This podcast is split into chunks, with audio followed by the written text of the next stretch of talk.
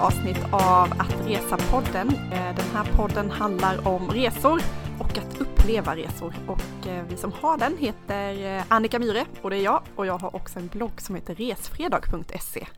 Och sen har vi Lisa Falåker som bloggar på letsgoexplore.se. Det var länge sedan Annika, välkommen hem får jag börja med att säga. Ja men tack var ett tag sedan vi poddade, men ja. inte så länge sedan vi hördes, du och jag. Nej, men vi hörs ju ofta. Men du har ju kommit hem från några månader i Thailand, så det är det jag säger välkommen hem relaterat till.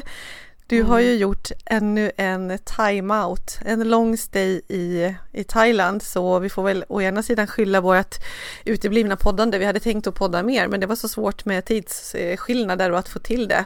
Men nu är du på hemmaplan sedan ett tag. Hur länge var ni borta? Hur länge har du varit hemma? Mm, vi var borta i tre månader, januari, februari och mars. Och så kom vi hem i början på april, så det är nästan exakt en månad. Eh, vi hade tänkt fint att komma hem till den svenska våren som uteblev. Jag väntar fortfarande på den fast vi har varit hemma en månad. Ja, egentligen tar man ju in det ganska bra med att komma hem till april och då känna att man ska få de här vårkänslorna och så. Men de är lite, lite segstartade i Sverige i år, det får man ju säga. Ja, ja det, kommer. det kommer. Och eh, vi eh, börjat landa in i vardagen, det gjorde vi väldigt snabbt. Jag var jätteeuforisk första två veckorna att vara hemma. Det var superskönt och jag bara åh, kolla vi kan dricka vatten ur kranen och alla barnen var glada och vi hade det härligt. Tredje veckan kom depressionen. Är det så? Då var det inte, ja, men då var det inte alls kul att vara hemma och jag var jättearg och på dåligt humör.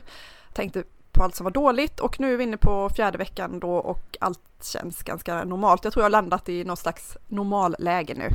Ändå. Ja okej, okay. ja det blir lite omställning så. Men du, jag är så nyfiken på hur du har haft det. Alltså hur var Thailand? Vilken gång i ordningen var det här för det första som ni var där på en sån här lång, lång stay? Det var fjärde gången som vi var där med hela familjen under en längre period då. Och det var fyra år sedan vi var där sist. Så man får väl nästan ändå säga att det är någon slags vana nu att vi gör det här. Det var inte bara en engångsföreteelse utan vi, vi ville verkligen ha det här återkommande i vårt liv eh, och har planerat för det och eh, lagt upp våra liv så att det skulle bli så. Eh, sen så kom det ju som alla vet någonting emellan där med pandemin så det blev lite platt fall. Och därför Lisa så tror jag ändå att det här var vår bästa gång. Var det det? Ja. För att ni hade längtat så mycket liksom, eller? Ja, för att allt gick så himla bra och vi hade längtat jag vet inte, det kändes annorlunda den här gången på det sättet att det var inte självklart att kunna göra en sån här sak. Alltså eh, med tanke på hur världen har sett ut och hur vi har eh, liksom, ja men världsekonomin, lågkonjunkturen, allt samlat blev väldigt njutbart. Mm. Ja men det är ju grymt att ni kunde känna att ni längtade efter det extra mycket och att det också då blev bästa och eh, att den här, känslan av att uppskatta gjorde så att det blev ännu bättre. För det är det jag tolkar in från dig här. Ja, och, och det är säkert, folk kommer säkert fråga då, men första gången måste ju ändå varit bäst. Mm. Men då hade vi så små barn, de var ett och tre. Så jag var ganska orolig i början, alltså på allting som kunde hända och vad som skulle kunna gå fel, att det var liksom någon slags rädsla i mig eh, första gången. Och den här gången visste jag lite vad som, ja men vi vet ju vad som väntar oss då. Mm. Så det var inte samma, samma oro på det. Ja, jag förstår. På grund av det i alla fall. Och det där med barnens åldrar, det tycker jag är lite intressant, för nu får vi ju faktiskt djupdyka lite grann i din timeout här. Vi har ju ett helt avsnitt om det med mer så här äh, kring förberedelser och hur man kan bo och allt sånt. Det finns ju ett väldigt tidigt avsnitt av, utav Att resa-podden och det är ju fortfarande giltigt antar jag i alla de grejerna. Men nu djupdyker vi lite grann tycker jag i eran den här gången. Och just det där med att ni åkte med äldre barn. Första gången var de ett och tre år och sen har ni ju tre barn nu och ni har varit iväg flera gånger. Nu var ju de äldre. Hur var det? Gjorde det resan bättre eller sämre? Alltså det blir enklare och allt det här. Du måste reflektera lite över det. Ja, det finns jättemycket att säga kring just den biten. Nu är våra barn alltså, de är 14, 12 och 8. Så hela biten med att överhuvudtaget resa med dem är så mycket enklare rent praktiskt så många år, man sitter på flyget, håller på och svettas ihjäl och hjärtklappning över att de är i hela planet och gråter och är ledsna och, och någon liksom, man behöver byta blöja på alldeles fel tillfällen. Det där är ju helt borta. Alltså Mm. de är så självgående. Mm. Alla tre. Det är väl yngsta som är lite så här, jag behöver underhålla henne lite grann fortfarande. Men att behöva liksom springa mellan flighterna om man har bråttom, det är ingen fara för de, de är med liksom. De är Mm. stora, de tar ansvar själv, de håller sina pass själva och de, de är med på ett helt annat sätt. Mm. Det är jättekul, det är verkligen reskompisar på det sättet. Mm. Och de har egna önskemål. Ja men verkligen rese, resekompisar på ett, annat, på ett annat sätt med att de har åsikt om vad vi ska göra på plats och hur vi ska göra det och ja, men vad de inte vill göra. Innan har de bara fått hänga med. Alltså, jag nämnde till min syrra häromdagen att Nelly har känts som min, mitt lilla kängurubarn. Liksom. Man sätter henne typ i en sele och så bara ja, hänger hon med Mm. var man än går. Mm. Och det finns ju något befriande det också, ganska skönt. Mm, mycket, mycket lättare praktiskt. Eh, det som har varit svårare den här gången, när de är äldre, det tycker jag var skolan, Mm. alltså skolgången. Att det Mm. tog längre tid att komma in i, i svenska skolan där borta. För när de är små, jag vet inte, så är inte alla barn, men mina barn har varit väldigt så här, ah, ett barn i min ålder, det spelar ingen roll vilken nationalitet eller vilket språk, men de liksom har en, eh, ja, men en gemensam koppling till varandra och börjar leka och hänga. Mm. Och så är det verkligen fortfarande med vår yngsta dotter, hon kan leka med vem som helst och när som helst. Men de äldre, de har ju liksom, de har ju ett sammanhang här i Sverige eh, som är självklara för dem, inte lika självklart när de kommer till en eh, annan plats. Nej, det så är mycket tankar om hur det ska vara när de kommer hem, hur, eh, vad säger kompisarna när man kommer hem och platsen i laget, eh, idrottslaget och allt det här.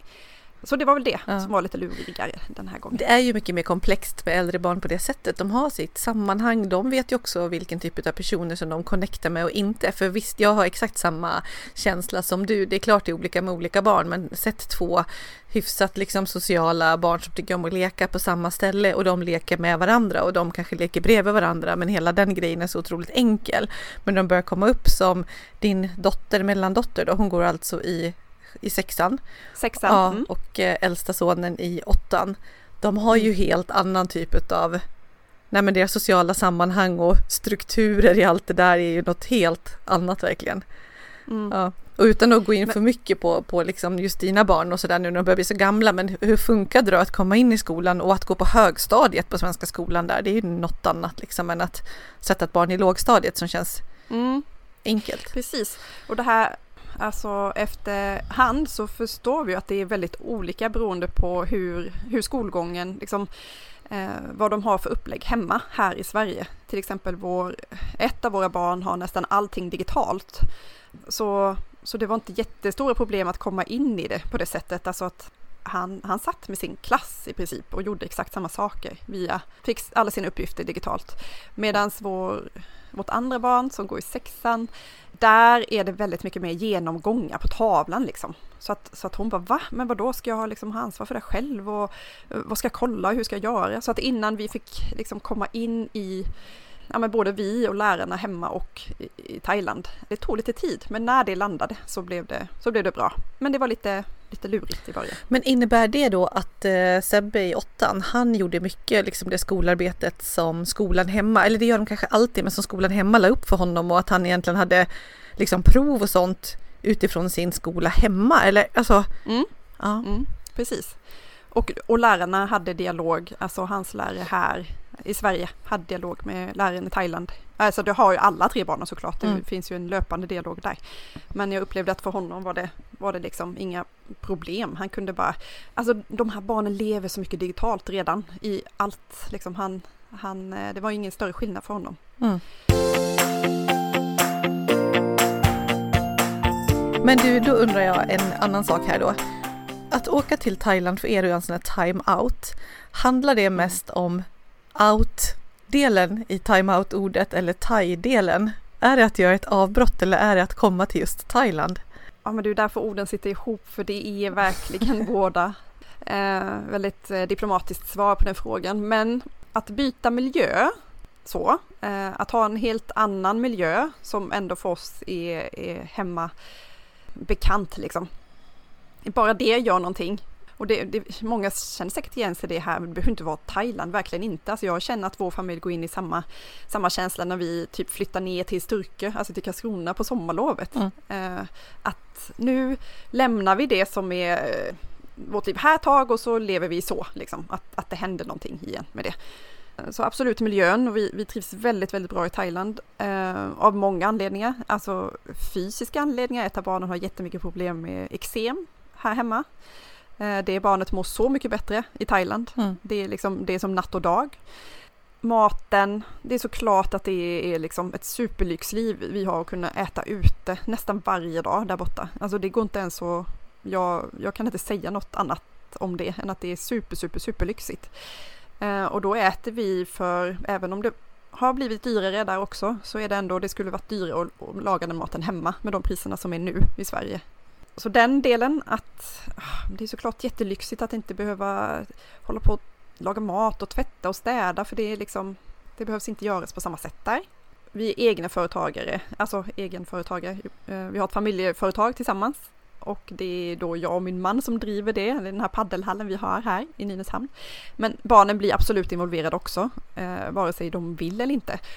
Och här kom den här out-delen som du pratade om. Alltså för oss var det så värdefullt att få samla ihop familjen. Eh, det har varit nästan tre år nu när vi har jobbat otroligt mycket och väldigt konstiga arbetstider, alltså nästan alla helger, jättemånga kvällar, alla lov. Idag är det första maj när vi spelar in det avsnittet. Nu har vi varit, kom precis tillbaka från jobbet liksom. Mm. För då ska vi ju passa på att göra en massa saker, aktiviteter när alla andra är lediga, för det är då de är lediga. Så att för barnen har det varit så här, oh, men måste ni alltid liksom vara där? Så bara, oh, nej, nu, nu behöver vi den här tiden som familj. Mm. Och liksom samla ihop oss som en liten trupp, typ. Så har det känts. Att få jättemycket tid tillsammans. Prata, vi har haft så många samtal, tid att vara tillsammans. Vi bor i en liten lägenhet där borta. Eh, barnen delar rum, det är ett jättelitet rum och så är det en våningssäng. Eh, så ett av barnen sover över slafen och två barn delar bädd nere.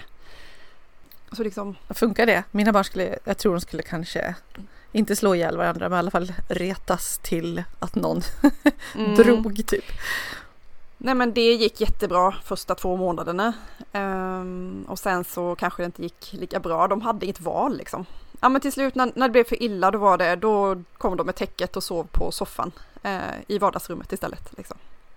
Mm. Så, ja, men jag ska inte glorifiera det att vi bara, åh, vi var jättegoda vänner och det var härligt, vi bråkade ingenting. Men vi bråkade mycket mindre än vad vi gör här, trots att Ja men jag vet inte. Det, mm. det, det var bra. Mm. Och det var bättre stäm. Ja men vad härligt. Och Thailand då? Hur, hur upplever du det nu när ni kommer tillbaka? Är det sig likt? Fyra år sedan sist sa du och ni har ju varit på Kolanta och det är där ni har mm. varit precis hur mycket som helst. Det är ju eran bakficka liksom. Det var faktiskt väldigt mycket som var sig likt men det var inte alls lika mycket folk. Det kändes som att det hände något efter pandemin liksom. Det är inte lika många som har eh, kommit tillbaka. Många verksamheter har stängt ner liksom. Det var, det var inte öde, men det var verkligen så att, eh, så att stundtals att jag bara oj, vad lite folk det är liksom. Och då har det ändå varit liksom en av anledningarna till att vi åker dit, att det är ganska lugnt om man jämför med andra delar av Thailand. Och sen får jag också säga att det var när vi kom dit i, i början på januari, då var det mycket mer folk såklart eftersom då är det peaksäsong. Så i mars så var det generellt lugnare. Men mycket var sig likt. Jag tycker inte att priserna hade eh, ändrat sig särskilt mycket. Vi, vi vet hur det funkar. Det var liksom Nej, det var jätteskönt att komma tillbaka för att, att känna sig hemma i allt. Smakerna och lukterna. Både bra och dåliga ska jag säga. Eh, ja. Ja men det låter underbart. Kommer ni åka tillbaka? Nej förlåt, jag eh, ändrar min fråga. När åker ni tillbaka?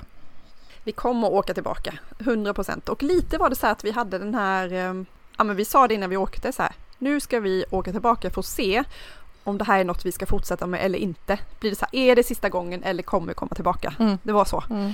Eh, både jag och min man var så här, ja, det här vill vi göra. Mm. Barnen, de har inte riktigt samma eh, känsla för att åka tillbaka länge.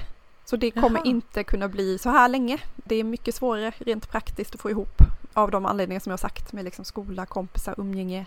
Att de, ja men Sebbe börjar liksom gymnasiet om ett år ungefär. Mm. Och det, Så- och så vi får se. Jag måste fråga om den, kan man ens eh, gå på Svenska skolan där i gymnasiet?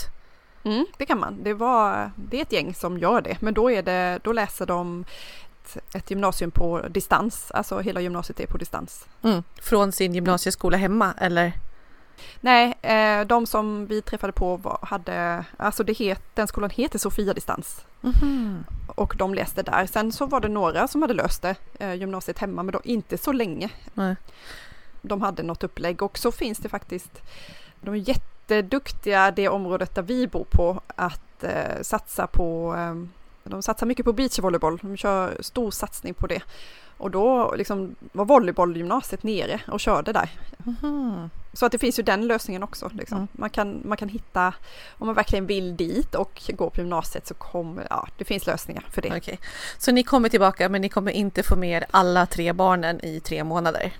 Nej men det är nog en bra sammanfattning. Ja.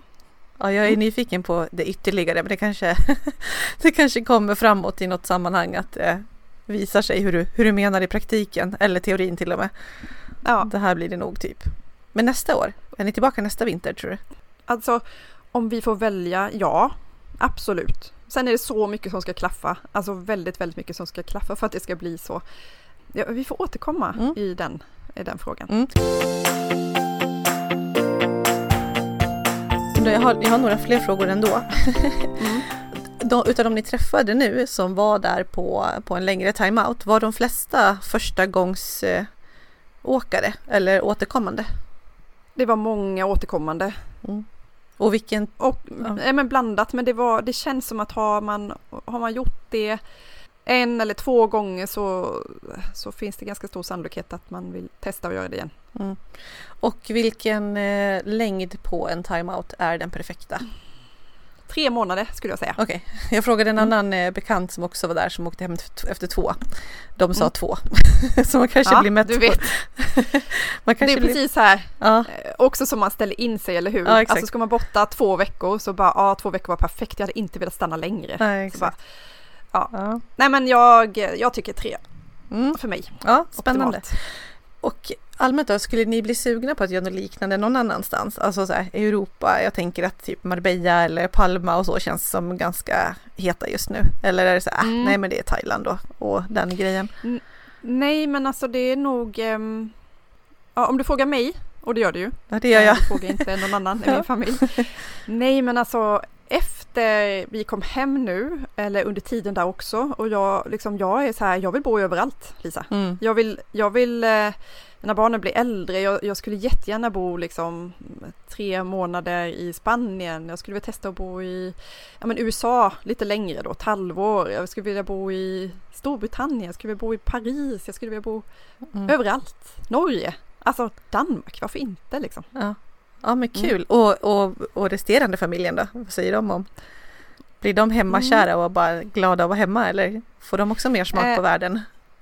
Ja, det är lite blandat. Eh, Jag har ett barn till exempel som eh, jag försökte dra med på utflykter nu på påsklovet. Och då fick jag svaret eh, nej, jag kommer inte åka någonstans förrän kanske till jul. Nu har vi gjort jättemycket utflykter, alltså i Thailand. Ja. Så det var liksom, Ja. eh, så det barnet kanske inte följer med. Men eh, Ehm, Ett par av de andra är väldigt sugna. De gillar att resa och och gillar det här att vi gör det tillsammans som familj också då. Mm. Och eh, Tobias då, han är alltså Jag tror att han tycker det var väldigt skönt att komma bort ett tag och eh, det gör han nog gärna. Jag vet, alltså vi har, vi har varit nyfikna på att testa Svenska skolan på andra platser också verkligen kollat upp det och sådär. Och sen så är det ganska bekvämt att åka tillbaka till ett ställe där man vet hur det funkar liksom. Mm.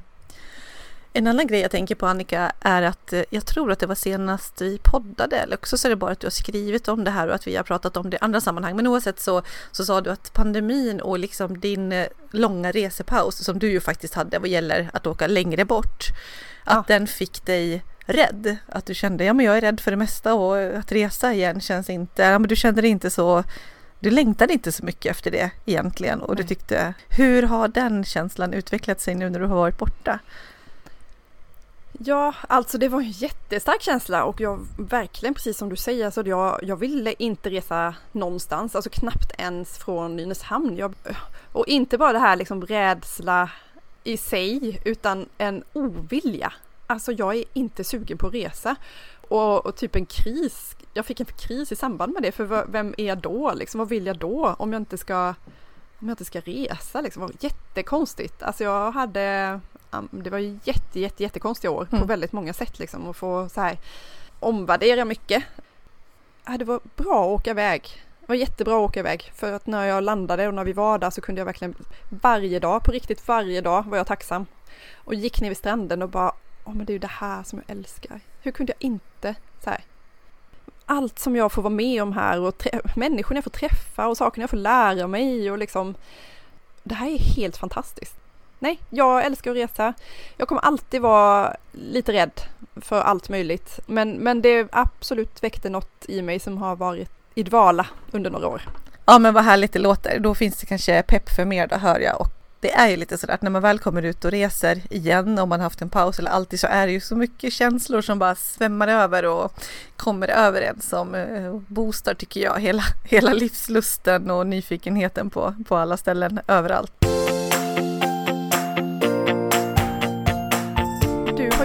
Samma känslor som mig och det är jag också jättenyfiken på hur du liksom resonerade och eh, tänkte och dina känslor för det känns som att nu är du, du liksom, du vill resa typ mm. mycket och långt och till jättehäftiga ställen och ja. har gjort liksom. Ja, och har gjort också. Nej men jag ja. vet inte riktigt vad som har slagit om i mig för att jag tycker nog ändå att jag på det stora hela verkligen kan se det stora i det lilla. Alltså med det menar jag att gå ut här i mitt närmsta stora naturreservat i eh, Hellasgården eller Nackareservatet här.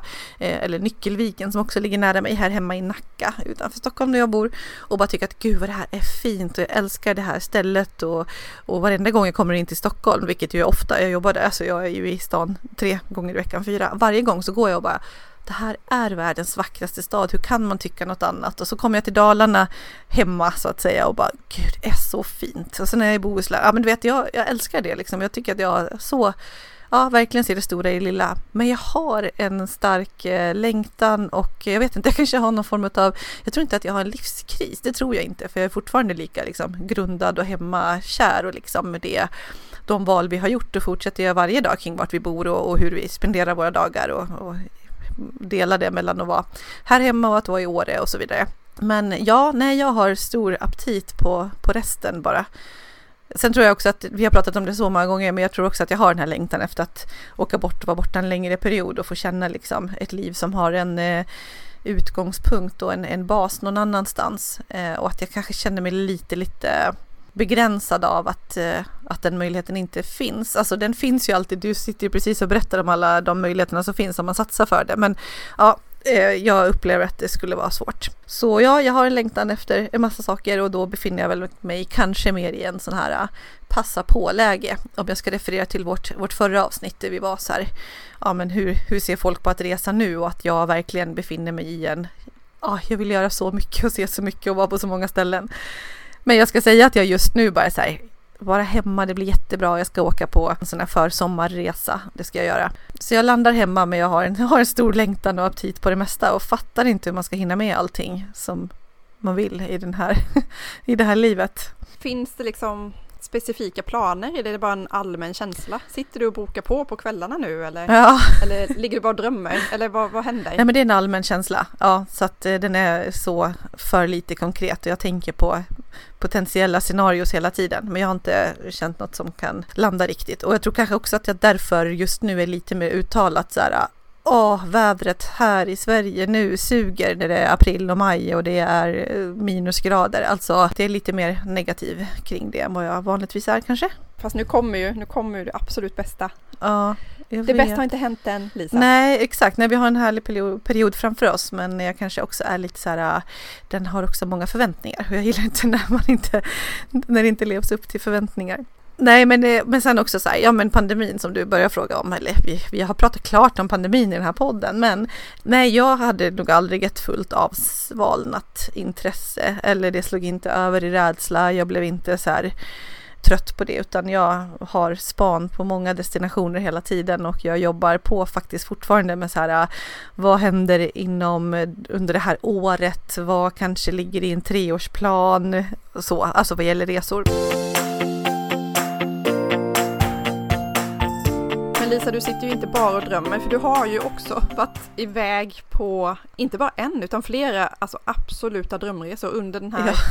Ja men inte under pandemin men nu liksom. Ja. Senaste, sen det började lugna ner sig. Och senast som vi nog inte ens har nämnt eller? Jag vet Nej. inte men du, du har ju varit på Seychellerna med familjen. Ja, exakt. Det var ju drömresa deluxe, verkligen. Och jag är nog väldigt, Eh, tror jag, tydlig för eh, det här med ändrade resebokningsmönster. För det här var ju liksom någon form av, ah, men vi kanske åker till något varmt ställe i vinter eller gör vi inte det? Och så var julen lite dålig och så har ju vi landat i att, att det är sjukt härligt att vara i, vara i Åre då, vara i fjällmiljö och vinter och hela den biten. Julen passade helt enkelt inte utav flera olika anledningar där jobb var en stor. Så så här, men ska vi åka till värmen i vinter då? Så hade vi inte planerat det men ja, lusten, sugen, suget eh, smög sig på verkligen. Så med ganska kort varsel skulle jag säga bokade vi en resa till Seychellerna. Jag har absolut några sådana här drömresedestinationer och att Seychellerna varit en av dem. Eh, och sen började jag läsa på lite närmare och förstod att Seychellerna är ju inte bara en drömrese, alltså det är inte så här Maldiverna-style, utan det här är ju öar som du reser till och där lokal befolkning, lokalt liv och turism blandas och det tilltalar mig mycket mer. Jag började kolla på biljetter, tänkte det är väl super, super dyrt, men det är liksom, det är samma som till alla de här destinationerna. Det är klart att det inte är billigt att, att flyga till eh, Seychellerna, liksom det är inte billigt att flyga till Thailand eller Mexiko eller eh, Zanzibar eller vart du nu ska i det eh, området, men det är inte mer heller, utan eh, ja, men vi började på att scouta det för ett förlängt sportlov då, så vi åkte i början på mars och, eh, eller ja, slutet på februari och eh, flög med, eh, ja, med både Qatar och Emirates flyger med mellanlandning då antingen i Dubai eller Doha beroende på bolag. Även Ethiopian Airlines flyger. Det är faktiskt snäppet billigare men vi valde bort det. Jag visste inte om det kändes så himla tilltalande men det finns det olika åsikter om. Ja, men vi flög och mellanlandade i Doha, en hyfsad eh, smidig resa, typ 6 plus 6 timmar. Kommer fram på morgonen där så man kan verkligen liksom utnyttja hela dagen. Eh, och vad som är positivt med att flyga åt det där hållet då, det ligger utanför eh, Afrikas kust kan man säga. Det är att det inte är så många timmars tidsskillnad. Så att om man åker en något kortare period, om man är mer i passa på-läget än att man har jättelång tid på sig så är det perfekt. Eh, jag tror att det var tre timmar när vi var på Seychellerna nu. Så ja, vi åkte dit och det var så sjukt vackert och superbra. Det var en eh, grym resa. Fantastisk destination. Jag är, jag är otroligt när nöjd. Jag såg, när jag såg vissa av uppdateringarna på Instagram då tänkte jag, vänta lite nu, det här känns precis som när vi var på Universal Studios Ja. i USA. Ja. Det här kan inte vara på riktigt liksom. Det, det var, de stränderna, det var, alltså Thailand är vackert men det där var ju sjukt. Nej, det, det går faktiskt inte att jämföra vad gäller den kategorin. Alltså det är klart det finns kanske några nationalparker och annat i Thailand som är i eh, nästan den här nivån. Fast alltså nej, det, stränderna var otroliga, magiska, verkligen Mm. någonting extra. Galet, galet fint. Också så här, ja men det var verkligen den här blandningen mellan local vibe, liksom island vibe, väldigt skön känsla på, på öarna eh, med lokalbefolkningen och eh, otroligt vackra stränder och turism som kändes eh, på något sätt hyfsat lagom liksom. Jag tror vi ska ta ett avsnitt om Seychellerna och verkligen djupdyka i det. Men eh, för att göra en sån här incheckningsavsnitt som vi gör nu i podden så kan jag bara säga att det var det var otroligt bra, vi hade en fantastisk resa, är så nöjd, måste absolut tillbaka någon gång. Det är värt att ha som en drömresedestination, bucketlist. Däremot dyrt på plats, alltså dyrt, verkligen. Vi var inte riktigt beredda på det. Eh, Det var, det var en annan prisnivå än vad man är van vid och och eh, det handlar inte om att det är turismpriser som är dyra. Nu, nu ska jag inte jämföra med Maldiverna, jag har aldrig varit där, men om jag ändå jämför så, så där upplever jag att eh, det är mycket så stora fina resorts. Det kanske är en resort som ligger på en ö som bara består av den resorten och då har du de priserna som är där. Och det är klart att det även på Seychellerna var dyrare när du väl var inne på ett hotellområde till ett dyrt hotell. Till exempel vi bodde på ett finare hotell på eh, andra ön där vi var, Mahe på Bovalon som den stranden heter. Då bodde vi på Savoy. Det var jättefint men det var väldigt dyrt på hotellet. Men det var också dyrt liksom överallt och dyrt för lokalbefolkningen vad man sa. Vi, vi frågade runt såklart, så här, är det här turistpriser eller är det samma för alla? Men det är ju ett väldigt välmående från det perspektivet. Det är ett, ett land med höga medelinkomster och så vidare. Det finns ju förstås baksidor från det också och alla har inte likadant men det är generellt hög prisnivå. Alltså jag har ju så många frågor så vi måste absolut ta ett eget avsnitt. Ja. För att det här är ju, det är många som så här olika jubileum, man firar 50 år eller bröllopsdag eller sådär, då är det ju Maldiverna eller Seychellerna. Ja. Och det är inte jättemånga som åker dit med hela familjen så som, som ni gjorde. För alla tre barnen var ju faktiskt med. Japp. Så det är ju jätteintressant från det perspektivet också. Mm. Så, men du är nöjd? Ja, absolut. 100% nöjd. Nej, så det var galet bra verkligen. Mer om Seychellerna ja, vid tillfälle. Ja, mer om eh, Seychellerna. Mm. Och hur ser det ut framåt nu? För att du pratade om att du hade bokat en liten försommarresa och den gjorde du typ igår eller? Ja, ja men exakt. Nej men jag ska faktiskt åka på en paddelresa. Så jag ska åka och spela paddel i Estepona som det heter, som ligger söder om Marbella. Så då reser jag med ett stort gäng tjejer härifrån Nacka som ska spela paddel och, och bo på det här, ja men typ paddelhotellet. Nej det är inte ett paddelhotell men det är ju liksom mycket gå ut på träning och rörelse och eh, det är pool och det är hav och det blir säkert god mat och, och sena kvällar och sådär. Så det ska bli kul. Eh, och så skulle jag åka hem på måndagen som är en klämdag och sen är man ledig på tisdagen och då börjar jag känna att gud det där kommer kännas väldigt insqueezat. Det blir ju de dagarna som är och vi är ju 20 tjejer, det kommer vara superintensivt. Och jag har ju verkligen haft en känsla av att, ja men som sagt, vilja landa någonstans i att gå i en känsla och bara leva lite annat. Så jag kände att det där, det blir för kort. Så då bestämde jag mig för att ja, förlänga hemresan så jag åker hem några dagar senare så att jag hinner hänga lite mer där nere då så att jag kommer vara kvar i Malaga i planen fick jag ju rekommenderat utav dig och uh, Come Fly With Me Tove. Så att då känner jag att det, det tipset litar jag på. Och så la jag ut på Instagram och fick det förstärkt också. Ja. Så det ska jag göra tänkte jag. Men då blir du själv sista dagarna eller får du med dig någon? Nej, det är det jag siktar på. Jag kommer jobba mm. mycket och så också så att eh, jag tror att det blir så. Vi får se om det, om det är någon annan som spontanar med sig där eller hur det blir. Men, men det är utgångspunkten. Ja. ja. så jag tänkte också att jag ska vandra lite grann. Jag ska gå Caminito del Rey heter det som är en sån här väldigt hög vandringsled över, över stora canyons och längs med klippväggar och så vidare. Så det ska bli superhäftigt. Så det har jag bokat in mig på när det är ledig dag där nere. Häftigt. Så det har jag framför mig. Men sen blir det en Sverige sommar vad det verkar. Mm, det säger du, det, för det säger du ja. nu. Vi får, se, vi får se hur vädret blir och allting ja, annat. Men exakt. Och du då? Du skrev en lång lista i bloggen med ställen i Sverige som du längtar efter att uppleva. Ja. Är det det som ligger ja, på din önskelista framåt eller var det bara ett summering eller? Nej men jag tror att vi nämnde kort om det i förra avsnittet också att vi ska till Prag hela familjen och då var ju tanken att vi skulle bila ner, alltså en bilsemester, riktigt så här klassisk roadtrip ner och stanna till och bo och uppleva Europa för att ett av barnen spelar innebandycup där nere.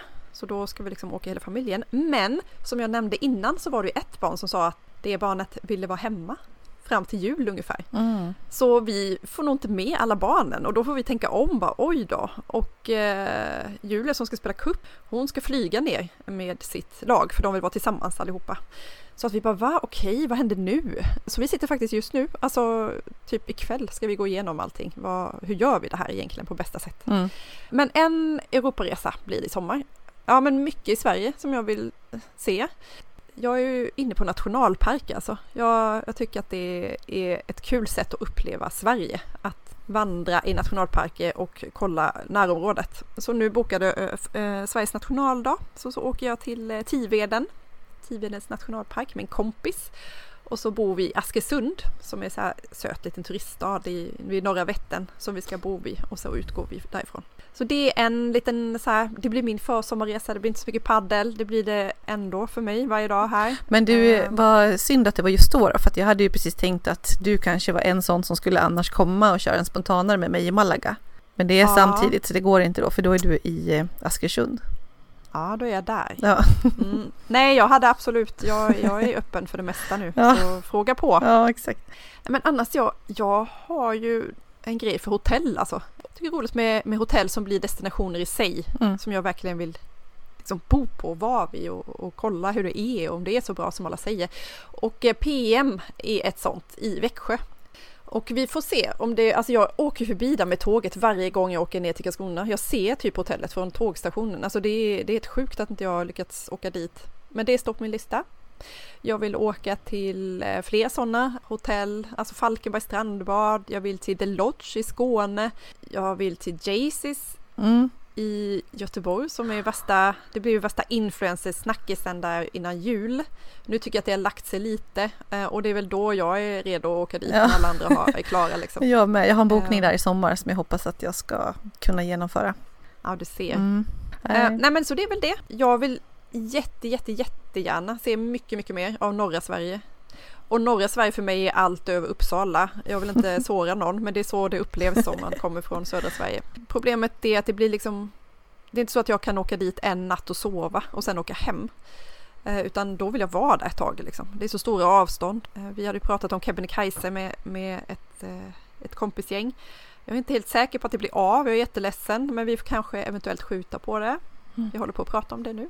Så det här, den här sommaren är jätte Alltså konstig på ett sätt som är att vi vet inte riktigt hur vi jobbar så vi har inte bokat någonting utan det Vi kör på passa på när vi kan och eh, när liksom andan faller på lite grann. Mm. Men jag är med dig där i hotellen. Det finns absolut ett gäng hotell som, eh, som jag är jättenyfiken på och gärna skulle bo på och eh, ställen som jag tycker är så himla härliga. Alltså det är verkligen grymt att ta någon hotellnatt när man har möjlighet och om man har möjlighet. Jag bodde ganska nyligen på Hotell Frans här i Stockholm som är ett himla gulligt, mysigt, gammalt klassiskt hotell men som är väldigt fint eh, fixat eller vad man ska säga, liksom lite, ja men eh, stylish eh, vid Slussen som jag verkligen kan rekommendera. En underbar frukost i all sin enkelhet i ett litet, ja ganska litet rum men det, ja, det var super, super bra. Så det kan jag rekommendera verkligen. Jag spanar mot, jag ja, spanar mot Jaycees och har flera andra på, på min lista. Så jag hoppas att jag ska komma iväg på några sådana lite små utflykter här. Ja, och det är många som inte tycker att det är, liksom, att det är värt pengarna. Vadå, sov en natt och betala liksom jätte, jättemycket pengar för det. Jag, jag har blivit bättre på att liksom eh, utnyttja de där hotellvistelserna. Ofta kan det vara så att okej, vi, vi behöver ta oss från en plats till en annan. Vi behöver sova där. Så man bokar ett, eh, som sist vi var i Jönköping så kom vi dit typ halv elva på kvällen eh, sover och sen åker man typ på morgonen halv nio. Det är ju helt, alltså så kan man ju inte göra tänkte jag. Det, det här är ju total waste of money. Ja, Utan checka in liksom så snart det bara går, alltså planera in för det och sen vara på hotellet mycket mer än vad jag har, alltså jag pratar till mig själv nu. Ja men du Eh, är ju proffs på det. När vi bodde, det var väl ett år sedan kanske, sedan vi hade en natt på Lydmar och jobbade. Ja. Lydmar hotell i Stockholm. Otroligt fint, ligger typ bredvid Grand Hotel kan man säga om man vill navigera vart det ligger någonstans. Men är mycket mer av ett mindre boutiquehotell som är superfint. Det är utav alla ställen jag har bott på i Stockholm, det är verkligen mitt absoluta favorithotell. Jag tycker det var så grymt.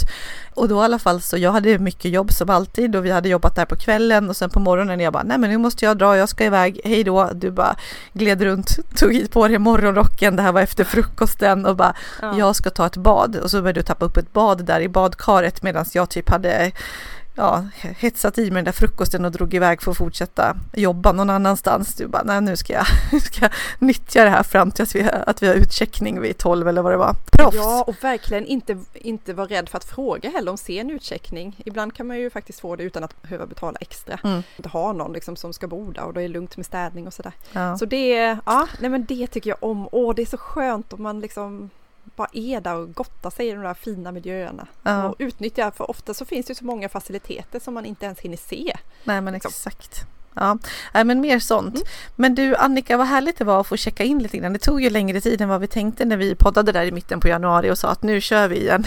Ja, men om man räknar alla gånger som vi har sagt Åh, ska vi få till det? Då är det att vi har poddat varje vecka. Absolut. Sen, eh, Ja, sen flera år tillbaka. ja men exakt, exakt. Men nu vet jag de facto att vi kommer höras snart igen här i podden. Mm. Vi, har, vi är på samma, vi är i samma tidszon och du har landat inte bara fysiskt utan också mentalt och eh, vi har så många avsnittsutkast som ligger och väntar på oss. Ja, det har vi och jag ser fram emot det här. Jag tycker om det här. Det är, det är en bra form att eh, få uppleva sina resor igen och drömma om framtida. Verkligen. Men tills dess så tack så jättemycket för idag. Det är härligt att eh, vara i närheten av eh, varandra igen och eh, många roliga resor som kommer här framöver och resor vi har bakom oss och ska prata mycket mer om så att ni får veta mycket mer om både Seychellerna och Thailand och eh, har inte jag minsann lite backlog från både Portugal och Zanzibar och ungefär alla ställen eller? Ja, Ja. jo, vi kör på. Vi kör på. Ja, Ja, kul att vara tillbaka. Vi, eh, vi hörs snart och jag lovar att det blir snart. det blir det. Tack Ja, för idag. Hej då!